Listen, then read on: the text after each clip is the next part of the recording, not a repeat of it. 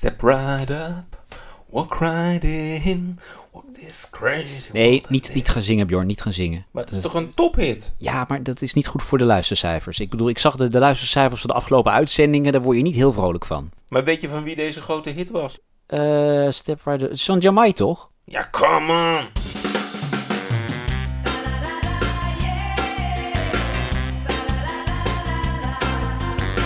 Daar zijn we weer met een nieuwe aflevering van Daar bleef je voor thuis. De nostalgische podcast eh, waarin we oude tv-programma's opnieuw recenseren en kijken of ze de tand destijds hebben doorstaan. En eh, wij, dat ben in ieder geval ik, Ron Vergouwen en...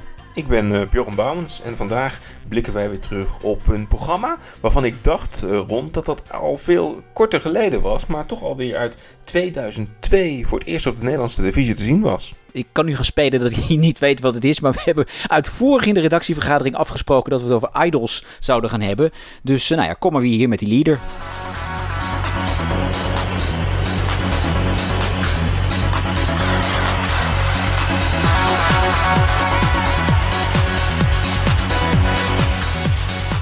Ook wel weer zo'n iconische leader, toch?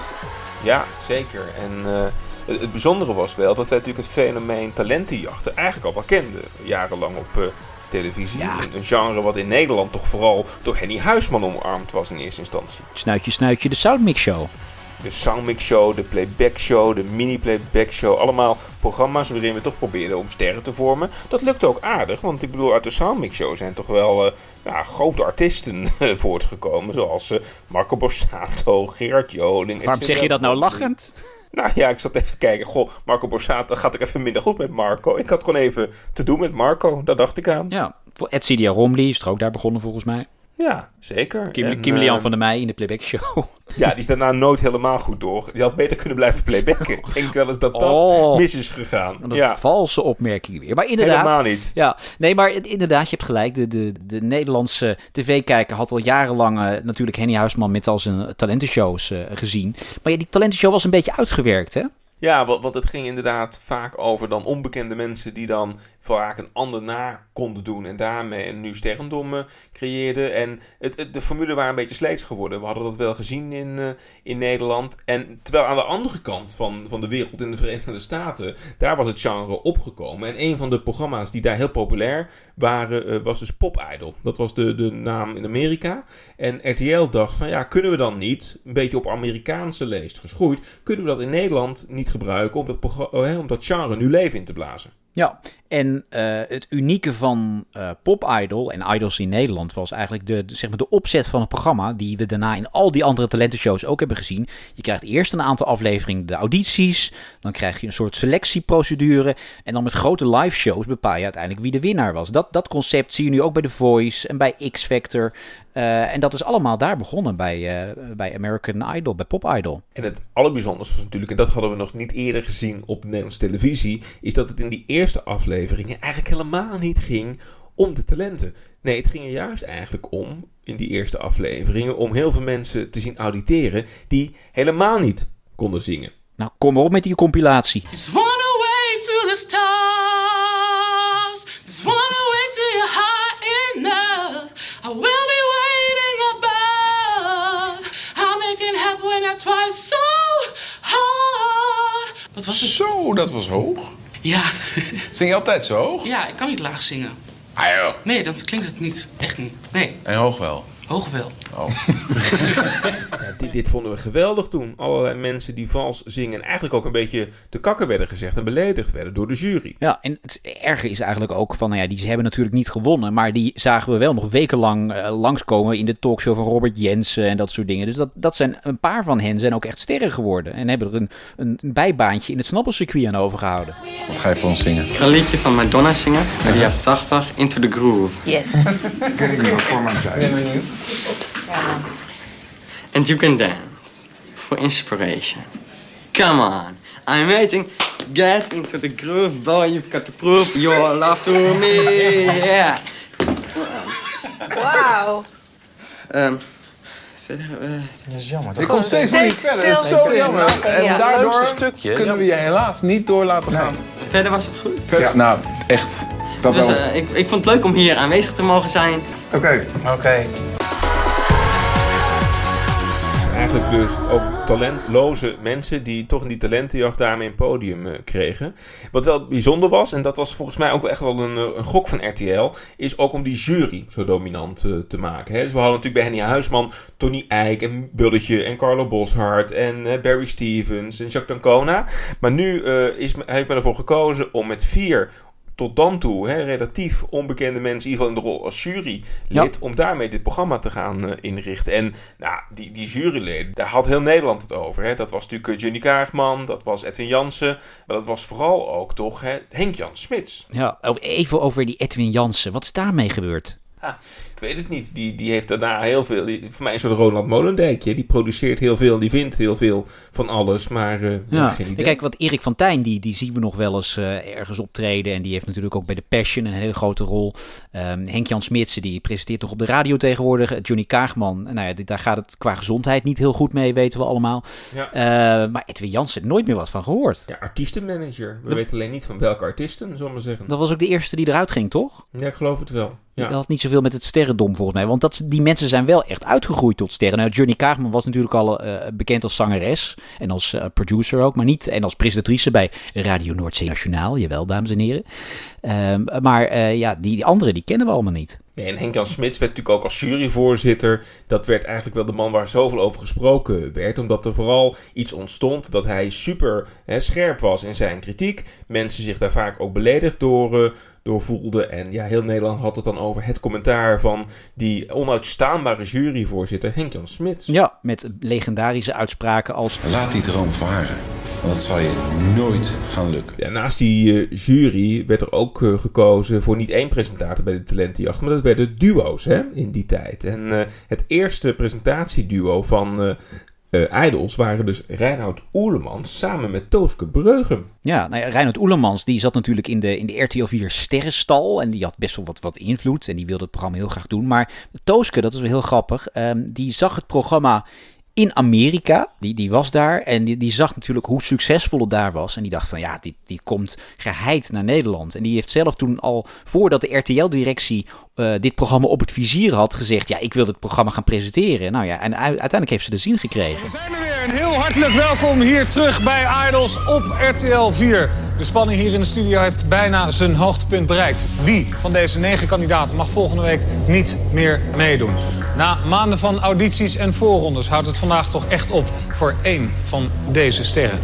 Wie er dan ook moet afvallen vandaag, ik wil het toch even gezegd hebben. Ik vind dat ze het allemaal fantastisch hebben gedaan. Echt. Volgens mij was het fijne van het presentatieduo dat ze echt wel wisten hè, wat, wat het programma inhield, wat het effect daarvan was op de levens van de mensen die daaraan deelden. Namen ook de spanning op wisten te bouwen in die shows eh, eh, vervolgens. Maar dat ook weer niet te serieus namen. Voor mij was dat ook gewoon goed. Dus die hadden ook wel een soort van kwinkslag Ja. in dat programma. Nou ja, wat, wat ik me nog vooral van die presentatoren herinner... was de hele schelle stem van Tooske die de hele tijd schreeuwt... U kunt nog bellen! Vind jij dat jouw favoriet in elk geval volgende week terug moet komen? Dan kan je nu nog heel snel je stem uitbrengen. Ik zeg al, doe het heel snel. De lijnen zijn nog een paar minuten open. Dit is je allerlaatste kans. Hier zijn ze nog één keertje. De negen finalisten van vanavond. En dat ging maar door. En je kon maar bellen en sms'en. En RTL is daar echt heel rijk van geworden. Met al die, die sms-nummers en, die, en dat bellen voor, voor al die kandidaten. En eh, wat ik me van eh eh Reinhard Oelemans vooral herinner... is het, het ellenlange rekken. Wat we natuurlijk nu tegenwoordig in alle programma's zien. Eh, ook bij Wie is de Mol en dat soort dingen. Van de afvaller van deze week is... En dan hoorde je dat, dat spannende muziekje. Ik laat het even horen. Degene die Even koffie zetten. de live Show. show Spaans. moet verlaten. Ik wil echt gaan plassen hoor. Is- Maakt echt niet uit. Geworden. Je kunt toch sms'en? Nee, Tooske, dat kan niet meer. Jamai.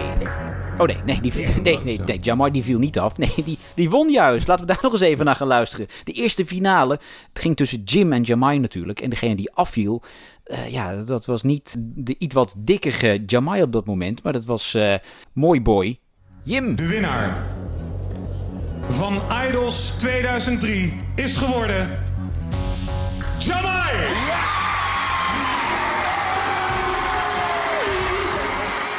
Ik weet nog dat, we dit, dat ik dit echt met een groepje vrienden, dat we dit echt eh, zijn gaan kijken. En eh, nou ja, volgens mij is dit echt, dit is volgens mij ook de best bekeken uitzending eh, van RTL zo'n beetje. Ja, ja, je had eh, grote voetbalwedstrijden en je had de finale van Idols, zou je kunnen zeggen. En eh, het is wel mooi, want 18 jaar later zijn zowel Jamai als Jim nog steeds bekende Nederlanders. Ja. En ehm, dat is ook wel een beetje het, het idee hè, dat dit echt grote sterren op zouden leveren. We moeten wel eerlijk zijn dat ehm, in alle seizoenen die daarna kwamen, nou, ik kan een quiz met je doen. Hoeveel winnaars ken jij nog uit de latere seizoenen van Idols, Ron? Nou, even kijken. Om en om dan. Hè. Eh, ik zeg Boris Titulaar. Ja, ja en, en ik weet nog wel dat die Boris volgens mij of tegen een Floortje of een Mout iets moest doen. Maar dan houdt het bij mij wel op. Ja, volgens mij hebben we Hint nog gehad, of heeft hij niet gewonnen? Die zat volgens mij ook in die eerste serie. Oh ja, oké. Nou, dat is toch wel weer... eh, Jaap Reesema, die heeft een keer gewonnen volgens mij. Of was dat er weer X-Factor? Dat was alweer X-Factor. Ach, ja. ja, ja. want al die juryleden, de- een paar daarvan, die zijn volgens mij later nog naar X-Factor gegaan, toch? Eh, Henk Jan Klopt, Smits heeft, Henk Smits heeft er volgens mij nog in gezeten. Het, kijk, het pijnlijke is dus wel dat, dat ook zo'n programma... Het, kijk, het programma is gewoon belangrijker dan het resultaat, zou je kunnen zeggen. Want eh, na Jim en Jamai is er ook gewoon weinig inderdaad eh, meer voortgekomen... aan echt grote talenten die we nog steeds eh, kennen. En ja, Pop Idol, eh eh, Jamai heeft vooral een presentatiecarrière eh, ervan gemaakt. Jim kennen we nog steeds vooral als musical eh, acteur. Dus eh, wel bekendheid, maar nou echt op de muziek... dat valt toch tegen. Maar ja, het ging toch om een idool te creëren en dat is in ieder geval gelukt. Ja, op een gegeven moment was de formule toch een beetje uitgewerkt en toen kwam eh, X-Factor. Dat, dat was, het verschil was dat er ook wat oudere zangers en groepen eh, daaraan mee mochten doen. Zat wel weer net ietsje anders in elkaar. En later is, is Idols nog een keer teruggekomen bij RTL 5, maar dat was een enorme flop. Ja, dat, dat, dat werkte blijkbaar niet meer. Ik, ik denk ook in die zin dat het genre, het genre is van alle tijden, met talentenjachten en, en van mensen sterren maken. Alleen het, het genre is gewoon geëvalueerd. En je zou eigenlijk kunnen zeggen wat The Voice eh, later is gaan doen met de draaiende stoelen. En eh, dat is eigenlijk de doorontwikkeling van het genre geweest. En, en volgens mij hadden veel kijkers ook het idee, met ook nu naar Idols kijken, dat dat eigenlijk een beetje terug in tijd was. En dat het dat ook niet haalde bij wat we inmiddels gewend zijn bij The Voice. Ja, nou, het had er ook wel mee te maken volgens mij dat eh, Pop Idol, dat Idols opkwam in een tijd dat ook de reality-serie opkwam. En dat we gewend waren om te kijken naar mensen die niks konden. Want het was natuurlijk eigenlijk eh, die auditieaflevering was, was hele negatieve televisie. Want het, het was alleen maar mensen afzeiken, kijken naar mensen die niks kunnen.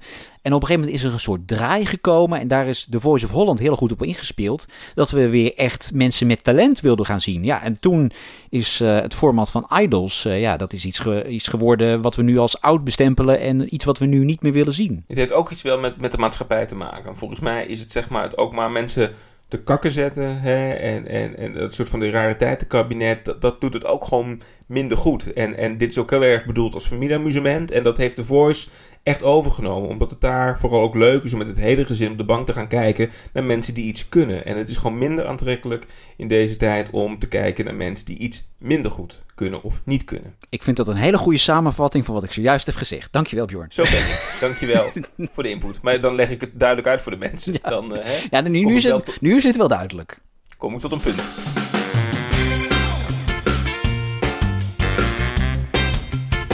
Ja, en aan het einde van de podcast dan geven we natuurlijk sterren. 1 tot en met 5 sterren over hoe belangrijk is dit programma geweest in de, de televisiegeschiedenis. Komt dit in de kanon van de Nederlandse televisie? Is dit iets waar je je kleinkinderen nog over moet vertellen? Ehm, nou Bjorn, ik begin bij jou. Van 1 tot en met 5 sterren, hoeveel wil jij geven aan Idols? Nou, kijk, het is een groot programma. Hè. Je gaf het ook al aan. Dit is een van de best bekeken programma's ooit op de commerciële eh, televisie. Dus eh, het is een prachtig voorbeeld van hoe een talentenjacht eh, in, in dat tijdsbeeld van zo rond 2002, hoe dat vormgegeven eh, is. Alleen het bijzondere van dit programma is wel dat dat eigenlijk op zichzelf niet meer zo interessant is, omdat het hele genre zich de afgelopen jaren heeft geëvalueerd.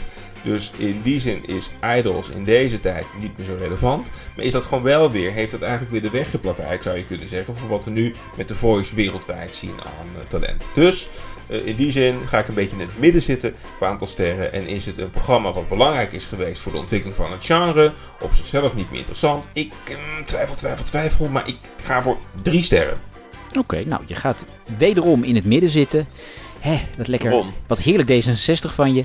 Ehm, weet je, ik doe met je mee. Drie sterren. Ja, weet je, het, het, is een, het is een in die tijd heel belangrijk programma geweest. Maar ja, het is niet, het is niet zo revolutionair geweest. Behalve dan het element wat ik noemde van die, die opzet. Dus eerst de auditieronde, dan de afvallers, dan de live shows. Dat, dat zien we nog wel. Maar ja, verder, een talentenjacht is al zo oud als de weg naar Rome. Ik bedoel, kun jij je de talentenjacht Nieuwe Oogst nog herinneren? Is daar niet toevallig André van Duin uit uh, voortgekomen? ja, inderdaad. Ach, er is geen programma wat dat fragment niet laat zien. Het is verschrikkelijk. Uh, Nieuwe Oogst, we hebben het allebei niet meegekregen, maar toch... Iedereen die een beetje van televisie houdt, weet dat Nieuwe Oogst een talentenjacht was. Waar inderdaad André van Duin begonnen is. Dus nee, talentenjacht is al zo oud als de weg naar Rome. Idols is er slechts één van. Het was een hele uh, goed gemaakte talentenjacht, maar niet meer dan drie sterren. Ook namens mij. Nou, duidelijk. Duidelijk conclusie. Zijn we het lekker eens rondgegaan. Ja. Nou, het is nou, uh, mooi. Ik zou zeggen, de fik kan er weer in. Weer, ja, heerlijk. Tot uh, volgende keer. Met een ander programma. Tot dan.